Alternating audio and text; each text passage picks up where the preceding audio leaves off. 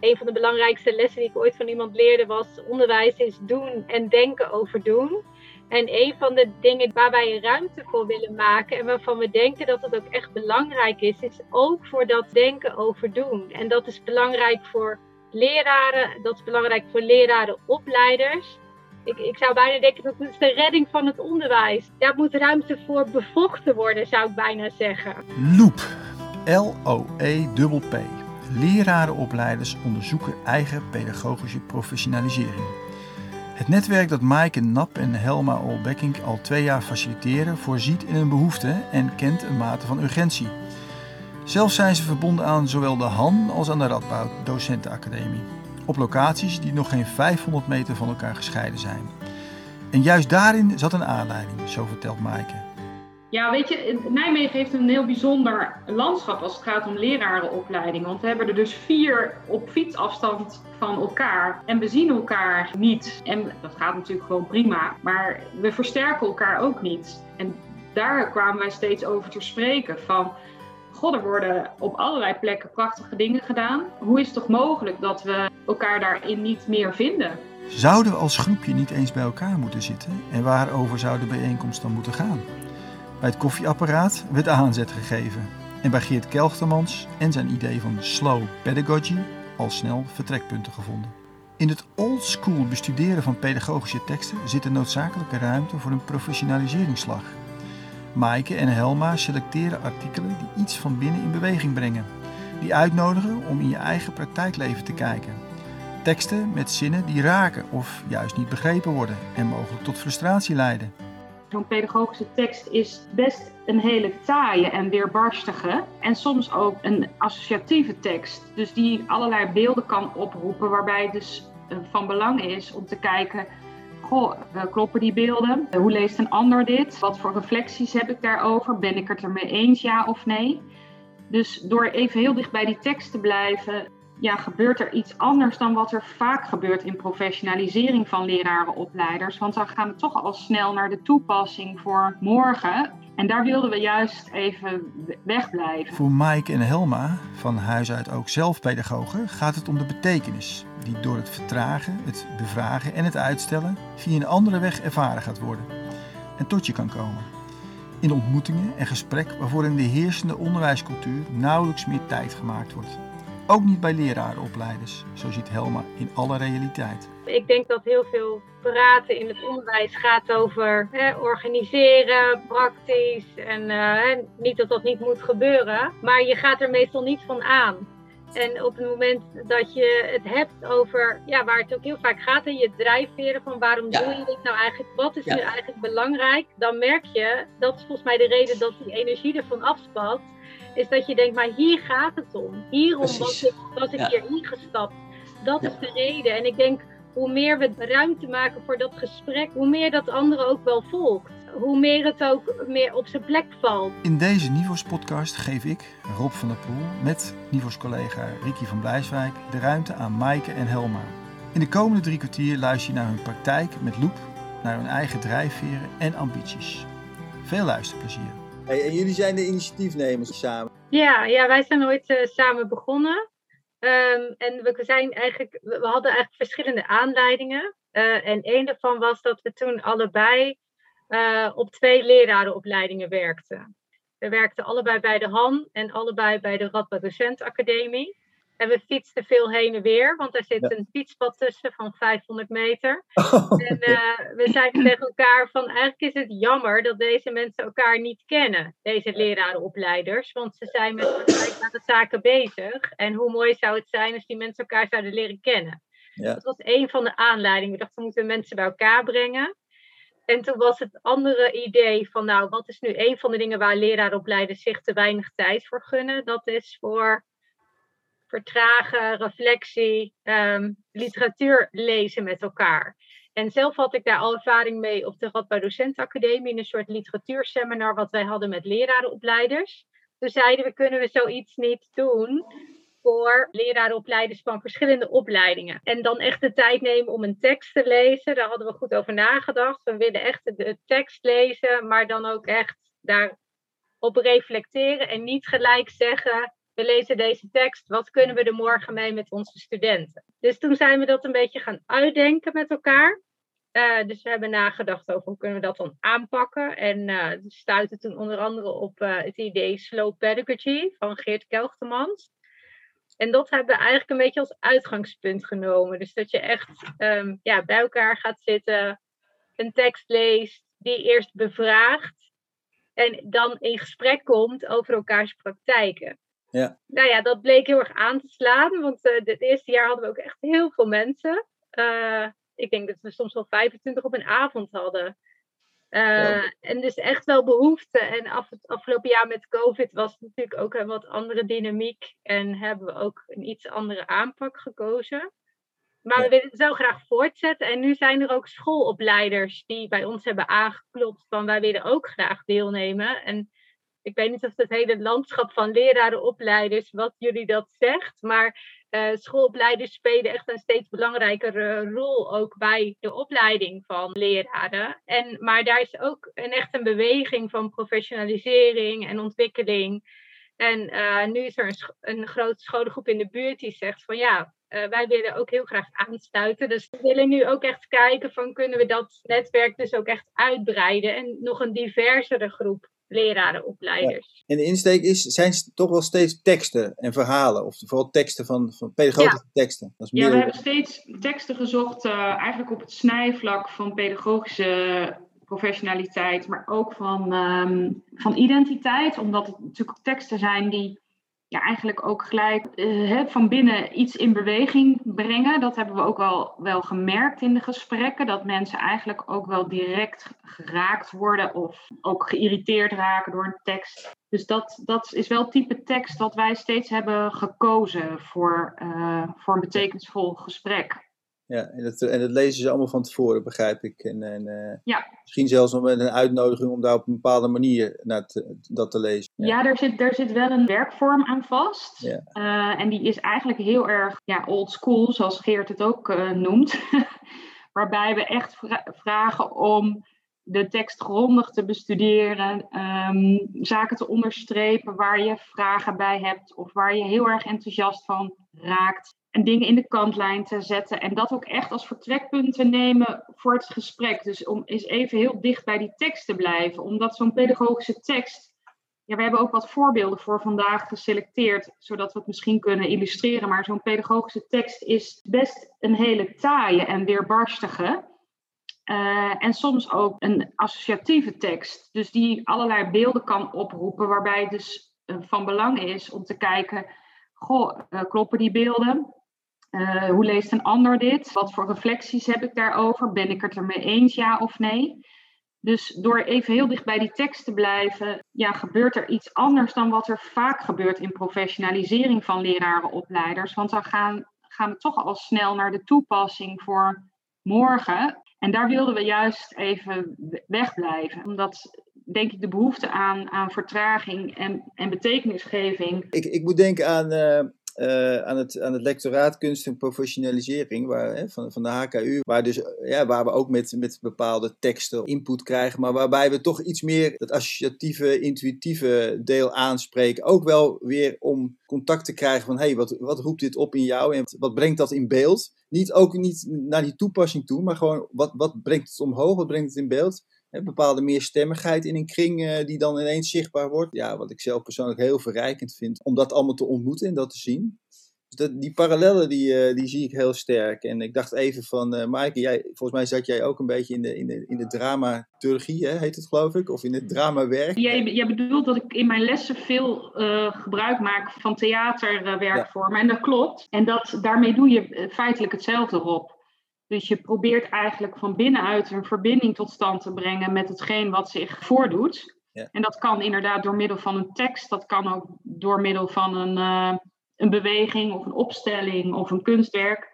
Ja. Dus dat, daar zit, zitten inderdaad wel parallellen in. Ja, het is mooi dat je dat eruit haalt. En die meerstemmigheid is denk ik ook iets wat we ook wel terug hebben gekregen van deelnemers. En tegelijkertijd was ons bijvangst ook wel dat leraaropleiders hun eigen stem Um, maar ook hun collectieve stem uh, zouden gaan uh, vinden. als je het hebt over meerstemmigheid, was dat ook een soort ja, doelstelling in de kantlijn, om het zo maar te zeggen. Ja, het is eigenlijk onze reflectie, denk ik ook wel, dat waar we zeg maar al in de discussie over leraren en de stem van leraren al vinden van hè, dat zou, die zou meer gehoord moeten worden, is dat ook echt onze reflectie voor de beroepsgroep leraren-opleiders. En dat is natuurlijk een hele vreemde beroepsgroep als je erover nadenkt. Hè, want dat zijn mensen die, daar is geen opleiding voor. Um, zoals in de literatuur altijd wordt gezegd van je wordt het terwijl je het al bent. Het is een soort second order career.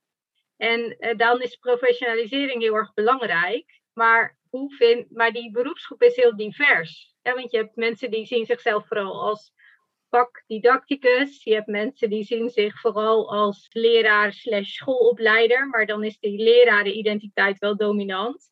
En wij denken dat die stem van lerarenopleiders ook wel sterker gehoord zou mogen worden. Omdat je zou kunnen beargumenteren, die zijn ook mede bepalend voor hoe die leraren worden opgeleid.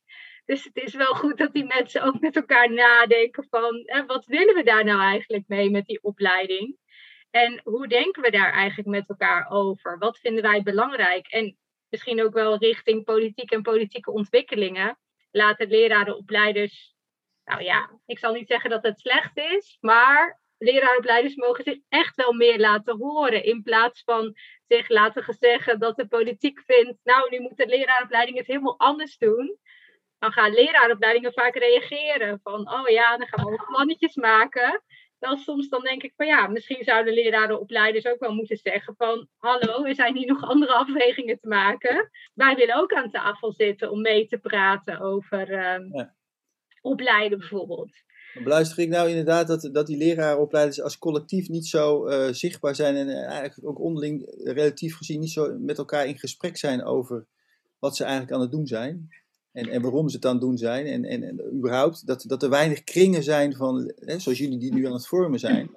Ik denk dat, dat, dat het beginnend is. Uh, je ziet bijvoorbeeld wel de Landelijke Vereniging voor Lerarenopleiders, de VELON. Uh, daar zijn behoorlijk wat mensen bij betrokken. Dus die proberen daar wel uh, ook echt aan tafel te komen als beroepsgroep. Dat is denk ik heel mooi. Um, maar ik denk dat die diversiteit zo groot is dat het elkaar vinden en elkaar uh, en met elkaar echt nadenken over van uh, ja, hoe kunnen wij nou bijdragen met elkaar aan die goede opleiding van leraren. Ik denk dat dat echt nog veel sterker kan. En zo'n netwerk als dat wij hebben, denk ik, kan daar, hopen wij, ook een bijdrage aan leveren. Ja, nou, dat, en dat trok me heel erg, Helma en uh, Maaike. Mijn ervaring is, ik ben eens in een pabo geweest, hier in Leiden. Ook op meerdere plekken. En als je dan in de hal gaat staan, dan hoor je, voel je tot in elke vezel hoe druk het is. De studenten lopen achter de leraren aan en de lerarenopleiders lopen achter de studenten aan. Dus, dus druk. En dat hoor ik ook in de gesprekken met de lerarenopleiders. Het is druk, heel erg druk, er moet heel veel gebeuren, er staat heel veel spanning op. Ja. En toen, toen wij elkaar uh, heel in het begin hierover spraken, hadden wij net een podcast opgenomen over Cornelis Verhoeven. En één uitspraak daarin, wonen in het uitstel. Dat was voor mij de trigger om met jullie in gesprek te gaan. Om tijd te nemen. Om eens even rustig te gaan zitten. En de pedagogische teksten, want ik heb heel goed geluisterd net Helma toen jij zei, het heeft ook dat emancipatorische karakter voor de lerarenopleiders. Mm, en dat doen jullie vanuit de pedagogische teksten, vanuit de pedagogiek. Die combinatie, um, dat is natuurlijk een hele mooie. Dus ik, ik ben heel erg benieuwd hoe jullie, welke criteria je aanlegt om, want dat is het allerbelangrijkste, denk ik, hè? de mensen en de tekst. Die combinatie maakt, of het beoogde, jullie hebben geen echt doel, begrijp ik, maar dat je wel met elkaar in gesprek bent. Dus hoe selecteren jullie die tekst? Wat, wat, wat, wat maakt dat een tekst wel of niet geschikt is daarvoor? Kijk, wij, wij hadden uh, toen begonnen, uh, zijn we uh, met het boek in onze hand begonnen van Jan Masselijn, Dat is Pedagogiek. Een verzameling sleutelteksten, waarin die, ge, die gebundeld zijn rondom pedagogische kwesties. En dat was natuurlijk bij uitstek een boek wat ons heel erg hielp. Want uh, de kwesties waren al gethematiseerd. En daarbinnen had Jan Masselijn al een prachtige selectie gemaakt van teksten. En wat die teksten doen onder zo'n kwestie is eigenlijk uh, zo'n kwestie al vanuit meerdere kanten belichten. Dus dat maakte eigenlijk al dat die keuzes voor die teksten redelijk eenvoudig te maken waren. Omdat we eigenlijk per, per avond gewoon een kwestie centraal uh, wilden stellen. Ja, hij noemt het ook kwesties, hè? Hij, hij, hij noemt het ook kwesties, ja. En het, geef eens even concreet een voorbeeld om de, om de luisteraar daarin... Uh... Ja. Nou, de kwestie van uh, professionalisering is er volgens mij één. Ja, die hebben we onder andere besproken. De kwestie van vormbaarheid. En wat, wat ik wel een interessante ervaring vond, maar ik weet niet hoe dat wat Maaike en ik namen dan zo'n kwestie door. En we vonden dat die teksten per avond niet te lang moesten zijn. Dus we gaven mensen vorig jaar vooraf ook nog de keuze van... Uh, we hebben twee teksten uit deze kwestie. En dan kies dan welke tekst je wil lezen. Maar ik weet dat we zelf soms vooraf ook in discussie waren. Ik, ik zie ons nog zitten op een bankje, Maaike. Dat wij uh, bij de kwestie van professionalisering de tekst van Hans Achterhuis, De Markt van Welzijn en Geluk, dat we allebei zeiden, nou, ik kan helemaal niks met die tekst. Maar al pratend ontdekten we dat deze tekst van alles opriep, waardoor we dachten, maar die moeten we dus juist bespreken. Aan de ene kant was het, die kwesties waren een, waren een uitgangspunt en tegelijkertijd hebben we daar zelf ook nog wel over gediscussieerd van wat zit daar dan in en wat levert dat dan voor voer op voor gesprek. En daar zit eigenlijk ook wat, wat Maaike net al zei, van dat raken. En soms betekent dat dat irriteren aan een tekst, dat dat soms eigenlijk ook best een goed criterium is. Ja, een tekst, um, het is wel grappig dat je dat vraagt, Ricky, want we hebben natuurlijk nu ook over het vervolg gesproken na twee jaar van hoe gaan we nu verder. En de selectie van de teksten was ook een van onze aspecten waar we ook uh, met elkaar nog weer over hebben gehad omdat we dat uh, in jaar 1 anders deden dan in jaar 2. Uh, eh, en we hebben eigenlijk ook met elkaar uh, overeenstemming gevonden in die zin dat het ook iets in beweging moet brengen. Dus een tekst selecteer je met als doel een bepaalde gevoeligheid op te wekken of een beweging in gang te zetten. Niet zozeer om iets voor te koken of iets voor te bakken, maar wel om iets los te weken. als ik denk aan de teksten die we nu hebben klaarstaan in grove lijnen voor volgend jaar, dan zijn dat teksten die enerzijds ook het maatschappelijke discours over onderwijs in zich dragen. En waarvan wij denken het zou mooi zijn als mensen de tijd en de ruimte voelen om, uh, om daar in alle rust een eigen idee over te ontwikkelen. Want precies dat ontbreekt zo vaak. Hè. Er gebeurt van alles rondom onderwijs. Het is eigenlijk een heel dynamische context. Maar om daar in, in rust en, en, en vanuit bezinning iets mee te doen, dat is vaak hetgeen wat we ons niet, niet, niet gunnen. Nou, die plek willen wij wel graag creëren. Daar is de tekst, zeg maar, de toegang toe. En, en ik vraag me af wat naast die tekst de mensen komen binnen. En zoals we net al duiden, zijn dat mensen die alsmaar dingen, dingen aan het doen zijn. Ik praat, ik praat in algemeenheden. En dan komen ze bij jullie en dan is er een tekst. En dan wil je door zo dicht mogelijk bij de tekst te blijven, dat er bij mensen iets gaat ontstaan. Ik mhm. vond dat heel mooi in dat stuk van uh, Geert Geltermans, die rits tussen die praktijk en die theorie. Mm wat is er voor nodig om dat te creëren waardoor dat gaat ontstaan? Nou, dat is een, heel, dat is een hele goede vraag. Misschien wel mooi om een voorbeeld te geven van het eerste en van het tweede jaar. Um, ik denk dat we dat in het eerste jaar geprobeerd hebben door, uh, toen hadden we vaak s'avonds de besprekingen. Ja, de tijd. Daar hebben we eerlijk gezegd ook discussie over gehad. Want die avond, die hadden we gekozen vanuit het idee, mensen zijn zo druk, dus we moeten het s'avonds doen. Dat we eigenlijk echt even de ruimte namen voor de binnenkomst. Dat was, al, dat was eigenlijk al een moment. Dus even daar zijn, even mensen welkom heten. En wat wij dan deden was ook ja, kort de tekst introduceren, maar ook even kort introduceren van hoe willen we dat met elkaar gaan doen. En dat het belangrijkste inderdaad uh, is, wat, wat Michael aangaf, is ook ja, het, het rustig kijken naar die tekst, het kouwen op die tekst. Ehm, uh, en niet gelijk de vraag stellen: wat kan ik er morgen mee? En uh, wat we ook hadden gedaan, is we hadden ook een aantal vragen voorbereid die helpend zouden kunnen zijn in het gesprek. Dus die kaarten hadden we eigenlijk op tafel liggen. Um, ik merkte wel dat het toch redelijk goed lukte voor mensen om dan, om dan echt, ja, als het ware. Dat, dat zeiden ze volgens mij ook bij. Pak, het, pak de tekst er gewoon bij, hè, fysiek of hè, voor je op tafel. En dan zag je, we hebben ook foto's van mensen met, met hun, met hun uh, kriebels in de kantlijn en hun, hun plakkertjes in de tekst. En begin daar nou eens. En dan ging het echt zo dat mensen soms zeiden: ja, Ik heb deze zin gelezen en ik. Uh, nou, ik, uh, ik werd er helemaal opstandig van. Ik kan hier helemaal niks mee. En nou, soms dan letterlijk met een boek op tafel van wat vinden jullie daar nou van? En dat iedereen dan ook de zin ging lezen van, oh ja, dat is die zin daar even met elkaar in die focus komen, dat werkte vaak ook heel uh, ontspannend, als het ware. Want je laat het even achter je. Ik weet nog dat we ook begonnen met het beeld van een rotonde, Elma. Oh ja, ja. Die dat vaker laten... een mooie metafoor, ja. we zeiden van ja, zo'n rotonde, die, die neem je doorgaans uh, snel. Maar deze avond of deze bijeenkomst mag je daar even op blijven rijden. Je hoeft, je hoeft geen afslag te nemen je rijdt er gewoon. En het mooie is dat je ook rondom de kern even cirkelt. Dat realiseerde ik me later pas. Dat zo'n rotonde natuurlijk ook een kern heeft. En die hebben we allemaal.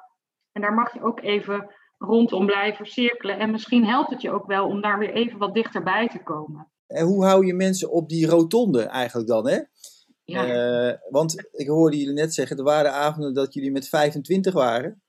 Ja. Dat is nogal wat om die alle 25 op die rotonde te houden. Met alle neigingen om snel een afslagje te nemen. Of uh, in alle ruis uh, die er misschien uh, om hun heen is als ze thuis zitten of, of waar ze dan ook zitten. Ja, weet je, je doet natuurlijk gewoon een, een, uitnodiging daartoe. Hè? En, en ook de constatering dat het je gewoon niet lukt eventjes. Of dat je toch met je hoofd bij morgen zit. Of ja, die, die kan er mag er dan ook zijn. We hebben daar niet heel erg op gestuurd of in begeleid. Ja, maar gewoon een plek gecreëerd waarbinnen dat zou kunnen plaatsvinden. En, ja, aan, de mensen, aan de mensen ook zelf, denk ik. Ja, aan de mensen zelf. En wat wij merkten, en zeker in de corona. Ja. Uh, want wij dachten, oh, nou, nou kan het gewoon niet meer. Hè? Dus dit jaar ja, gaat het voorlopig niet. En wij kregen eigenlijk vragen uit de groep van jaar één. Dan gaan we nog iets doen en komen we nog bij elkaar? Want we zitten in zo'n gekke tijd en het gaat allemaal zo hard. En um, we hebben zo'n behoefte aan, uh, aan delen wat er met ons uh, gebeurt. dus toen kwam ook heel erg juist nog nadrukkelijker de behoefte om uh, bij elkaar te komen en, ehm, ja, aan, en te delen wat er heel specifiek in die coronaperiode met ons als opleiders gebeurde. Ja, en misschien is het wel, want ik, ik dacht nog aan een ander voorbeeld van hoe we de bijeenkomst begonnen, Maaike. Tenminste, dat, dat is mij heel erg bijgebleven. De keer dat het onder andere, volgens mij ging het over de presence tekst van uh, Edith ja. Roefs. En uh, wat ik toen heel mooi vond, was toen was jij volgens mij begonnen met wie wil er kort een ervaring delen uit de afgelopen tijd waarin je um, verbinding hebt ervaren of present. Ik weet niet precies hoe je het had geformuleerd. En waarin eigenlijk spontaan hele mooie verhalen werden gedeeld. Uh, van dat lerarenopleiders bijvoorbeeld een huilende student voor het scherm hadden. En, en dat ze, of dat ze opeens heel erg geraakt waren door een stukje zien van een les. Ook al was die dan in een Zoom-omgeving. Of dat ze um, aan het worstelen waren met hoe geef ik nou deze misschien wat minder positieve beoordeling aan deze student. En dat dat ook heel erg een, manier was om even te landen voordat we ook naar die presence tekst gingen kijken. Dus dat was een keer dat we eigenlijk begonnen zijn bij waar ben je nu? Wat heeft hij in de afgelopen tijd met het uh, vierkantjeswerk achter dat scherm? Ehm, ja, waar heb je verbinding ervaren? En dan bleken die ervaring, die vaak met emoties gepaard gingen, er ook echt te zijn. Mooi. En dat te delen, dat is natuurlijk geweldig. Ja. Um, jullie zeiden, ja, er komen heel veel vragen bij mij op. net hoorde ik jullie zeggen, we hebben teksten geselecteerd. Al voor het komend jaar. Mm Heb, mogen we daar een tipje van de sluier nou, ik, ik zat het net nog even terug te lezen, maar een van de teksten die gaat over um, maatwerk. Het is volgens mij ook een tekst van Jan Masselijn, toevallig. En ik meen dat, dat de tekst heet Failliet van het maatwerk, maar dan moet ik even, dat zou ik even moeten opzoeken. Maar ja, waar die tekst over gaat, is, nou ja, dat hij bevraagt eigenlijk of dat wel uh, het goede is. Hè? Dus dat we leerlingen uh, zo sterk bedienen uh, op hun individuele behoeften en of daar niet iets ook in verloren gaat in pedagogisch opzicht. Dus zij stelt eigenlijk een heleboel zaken ter discussie waar we eigenlijk heel vanzelfsprekend misschien allemaal ja tegen zeggen. zeggen. Daar, daar, dat spiegelt hij in het licht van, uh, van, van een pedagogische plek. En dat vind ik nu een, een actueel thema. Dus dat, dat is een van de thema's die we sowieso, denk ik, willen behandelen. Een ander thema is wat er nu speelt rondom toetsing. Ik denk dat we daar ook allemaal uh, voldoende over horen. Um, ja, volgens dus mij de pedagogiek van de hoop, toch? Die wilden we toch ja. ook uh, van uh, Micha de Winter? Ja, dus de afscheidsreden van Micha de Winter, hè, die, die ook heel erg een, ja, eigenlijk een pleidooi maakt voor de pedagogiek van de hoop. En, en eigenlijk ook pleit voor positiviteit richting kinderen en jongeren. Uh, en hoe dat voor te leven. Dus dat, ja, dat zijn eigenlijk hele actuele onderwijsthema's vanuit een pedagogisch perspectief benaderd. En die thema's, daar worden we natuurlijk voortdurend mee geconfronteerd, maar vooral vanuit een meer didactische, instrumentele kant, die zeker ook van waarde is. Maar deze kant vinden wij uh, ja, vaak onderbelicht en, en willen we dus ook onder de aandacht brengen. En, en, dan, en dan is het de pedagogische kant. En het is, want daar gaat het natuurlijk ook om, wat brengt het naar boven bij de mensen die daar in, het, in de gesprekken ontmoet. Ja. Um, het, is, het is en naar de tekst kijken en heel lang en dicht bij de tekst blijven, in het uitstel wonen, hè? nog een keer uh, verhoeven.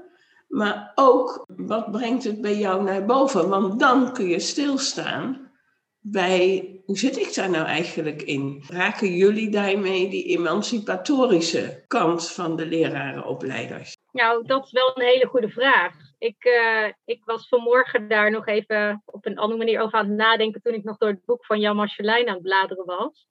En ik uh, de, de tekst nog een keer bekeek van Henri Giroux over de leraar als transformatieve intellectueel. En in, dat, uh, in die tekst gaat het onder andere over de lerarenopleidingen en wordt daarvoor de metafoor gebruikt van productie. Dus lerarenopleidingen produceren leraren die effectief zijn. Uh, en dan citeert hij iets van, van Kenneth Zeichner, die al jarenlang onderzoek doet naar lerarenopleidingen. En toen ik dat las, toen dacht ik, wat het dan in ieder geval met mij doet, is dat ik dan, ja, ik, ik mis natuurlijk, maar ik raak geïrriteerd van de productiemetafoor. Um, maar tegelijkertijd de kritiek die hij dan heeft, van hè, de sterke focus in de leraaropleiding op effectieve didactiek en op de leraar als degene die moet uitvoeren wat anderen hebben bedacht, dan denk ik, ja, in hoeverre uh, zijn wij nou in staat als lerarenopleiders, of ben ik als lerarenopleider in staat om ook, um, ja, als het ware, leraren dat brede perspectief mee te geven? Uh, bevraag ik kritisch genoeg alle aannames die onder, onder een bepaalde didactiek zitten? Bevraag ik met hen wat dit kan betekenen voor leerlingen? Bevraag ik wat dit betekent in de bredere maatschappij? Nou, dan, dan is het antwoord niet altijd dat ik dat op alle vlakken doe. Of misschien voldoende doe. Dus dat, dat is zo'n stukje tekst, wat, ik heb dat ook in een groepje besproken, wat, waar, wat wel vragen opriep bij iedereen. Van, we zeggen allemaal met de mond van we willen onderzoekende leraren opleiden, hè, die nadenken, die kritisch zijn. Dat vraagt van ons als leraaropleiders dat wij dat ook zijn.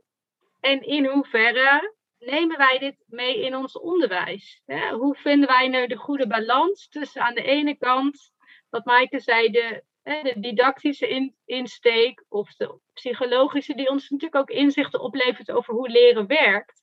Maar tegelijkertijd de reflectie daarop van wat betekent het nu als ik leerlingen in drie groepjes zet? En wat betekent het voor ons richting onze studenten als we het daarover hebben? Wat we dan beogen is eigenlijk een soort normatieve professionalisering, waarbij je de vraag toevoegt voor, voor wie of voor wat is iets wenselijk. Hè? Dus als het gaat om onderwijs op maat, ja, dan kun je daar dus in het licht van wenselijkheid uh, ook een heleboel uh, vragen over stellen, die in pedagogisch opzicht wellicht anders beantwoord worden dan vanuit een, een meer didactisch perspectief. Zeker, zeker. En, en, en ik denk dat daar de relevantie ligt en de betekenis ligt.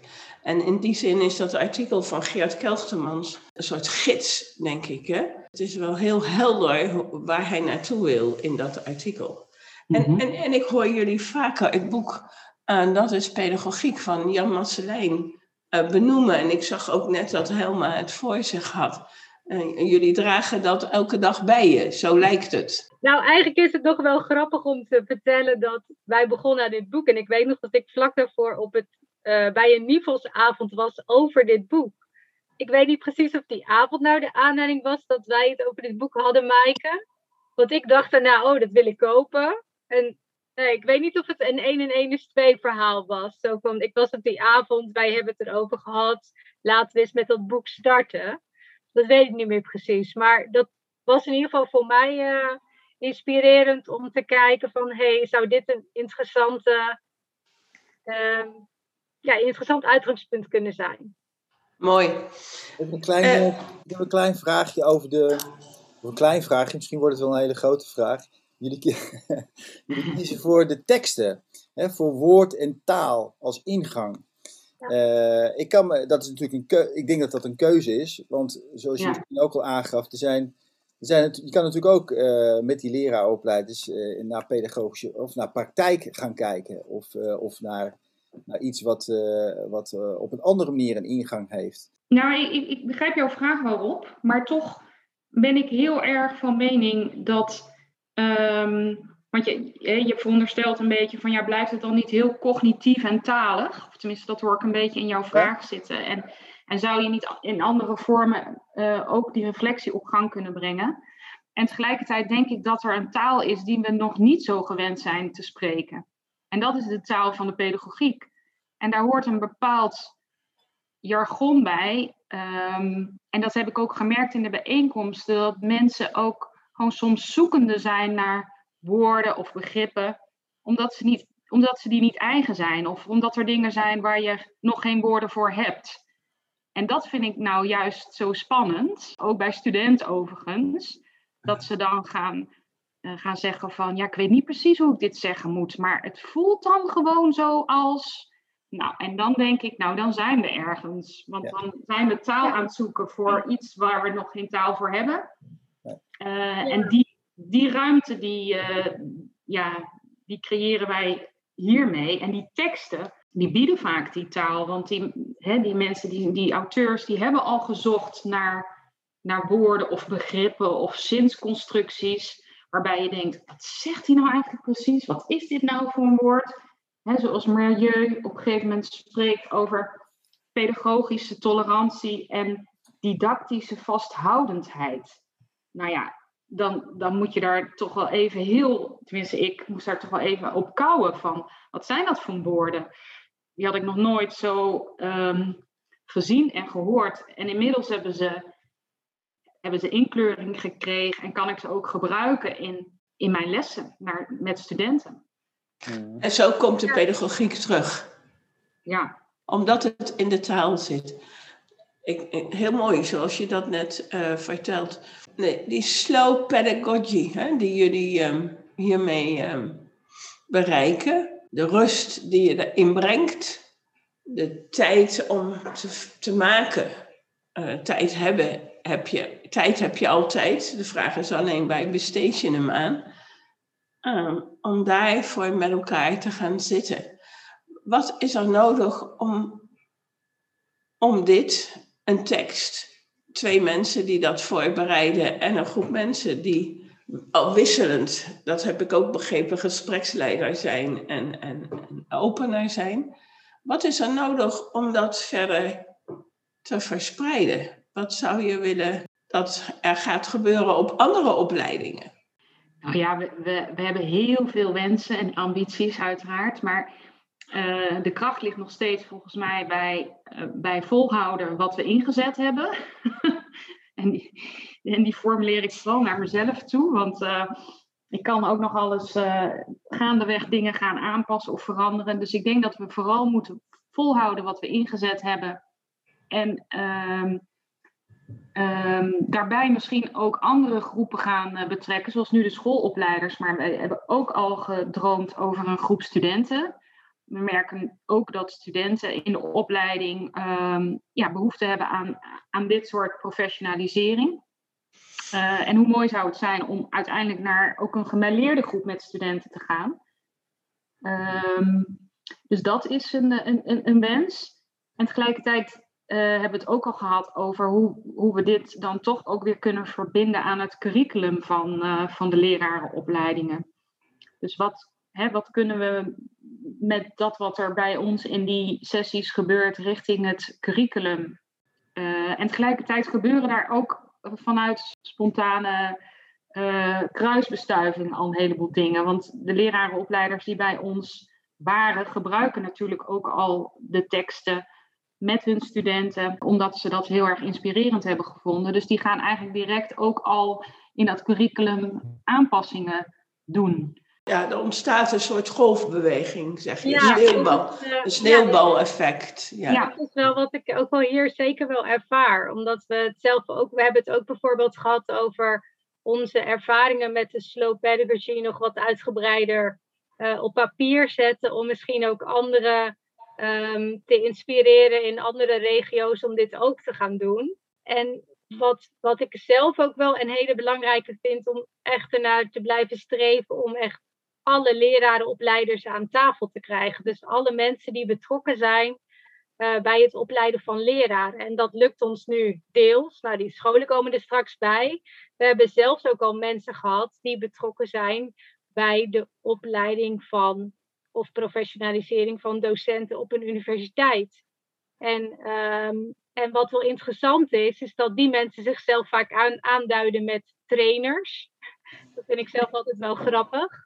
Um, nou ja, daar kunnen, we, daar kunnen we een hele boom over opzetten. Maar de, de hele kant van eh, de opleiding van docenten in het hoger onderwijs en op de universiteit zit natuurlijk ook vaak heel sterk op wat, wat Michael zei, heel sterk op het didactische. Hè?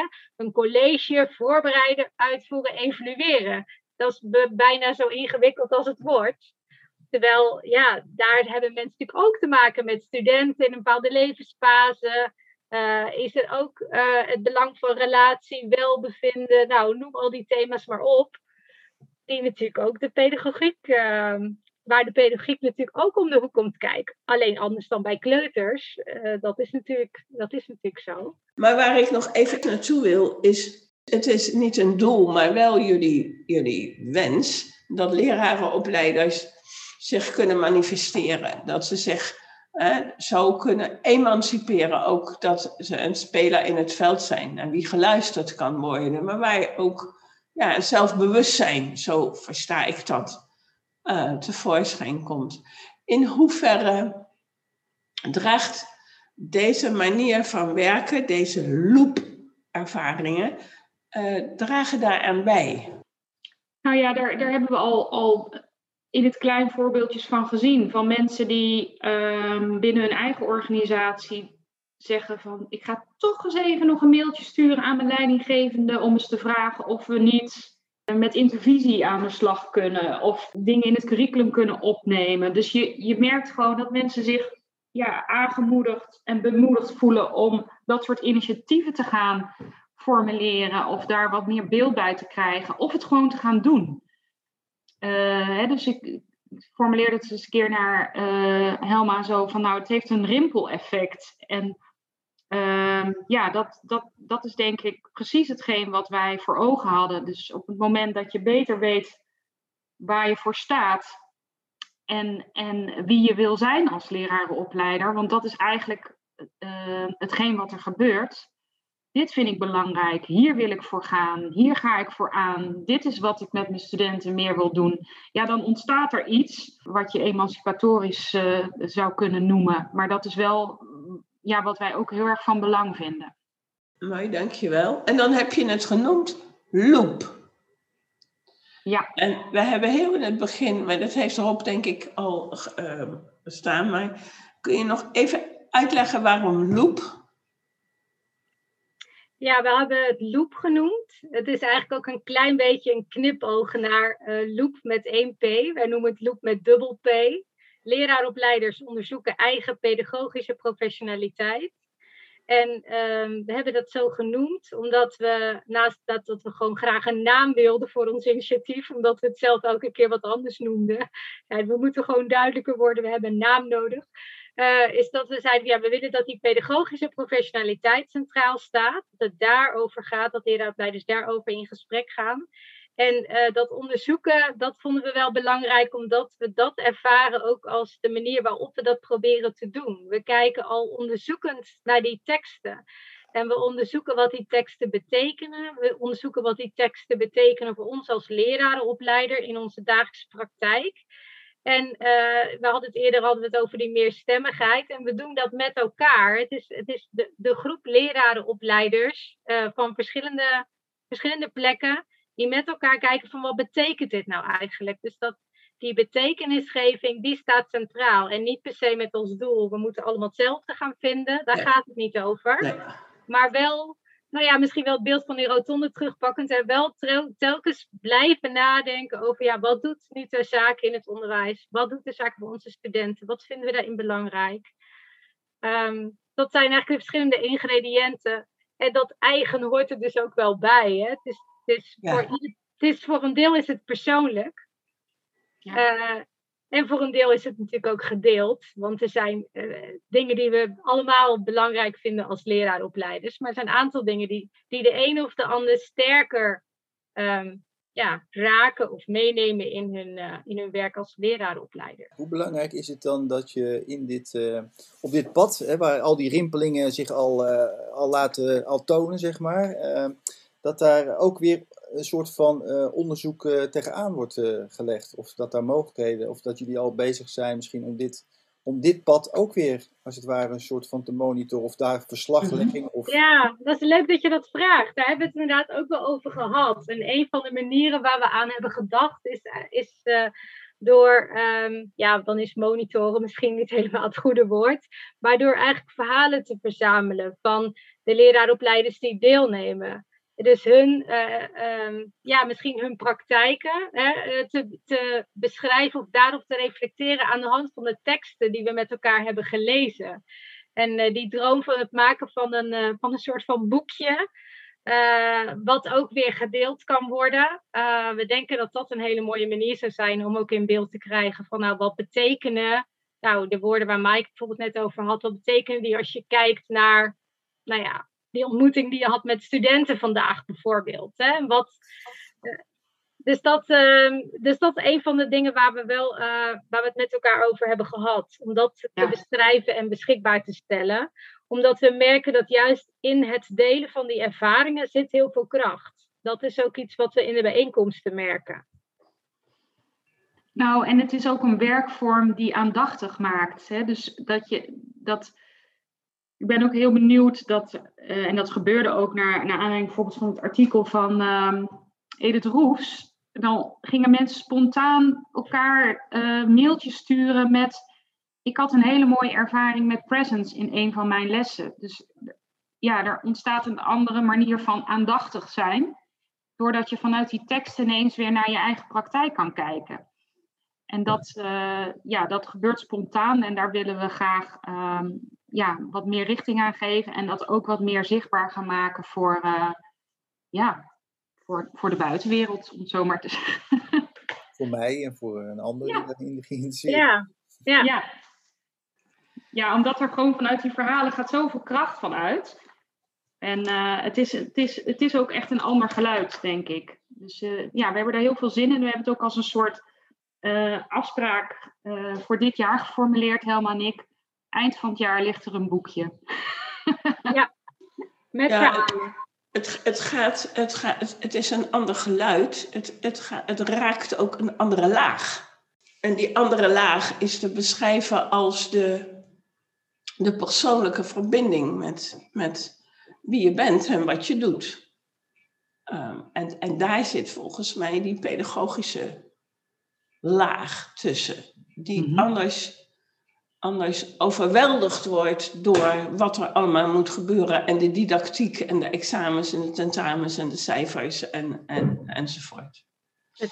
Als, als we zo langzamerhand misschien naar een afronding gaan, ben ik altijd benieuwd of we datgene aangeraakt hebben in ons gesprek van het afgelopen uur, ehm, wat eh, over de bedoeling van jullie. En, en, ehm, maar misschien zijn er dingen die, die we nog niet besproken hebben, waarvan jullie zeggen, als we nu toch in deze podcast zitten over onze loop, dan willen we dit toch nog wel even kwijt. Nou ja, misschien is het nog wel goed om te zeggen dat we ook een, eh, een, een, een pagina hebben, Helma. Dus als mensen meer willen weten over het initiatief, dan eh, is er een, eh, ja, hebben we inmiddels ook een plek ingericht. Ehm, en als mensen willen aanhaken, dat is natuurlijk ook eh, ongelooflijk belangrijk, dan eh, kunnen ze dat ook eh, doen. Misschien is het goed om daar in ieder geval wel even een melding van te maken bij deze podcast. Al is het wel onze wens volgend jaar weer fysiek bijeen te komen. Dus dat, was natuurlijk vorig jaar heel erg prettig.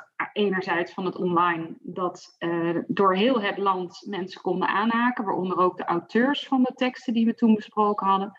Hebben nu toch wel echt de wens, als het weer kan, om fysiek bijeen te komen. Een van de dingen die ik wel heel belangrijk vind, Riki, naar aanleiding van jouw eerste observatie over de drukte in de lerarenopleidingen. ehm, dat een van de belangrijkste lessen die ik ooit van iemand leerde was: onderwijs is doen en denken over doen.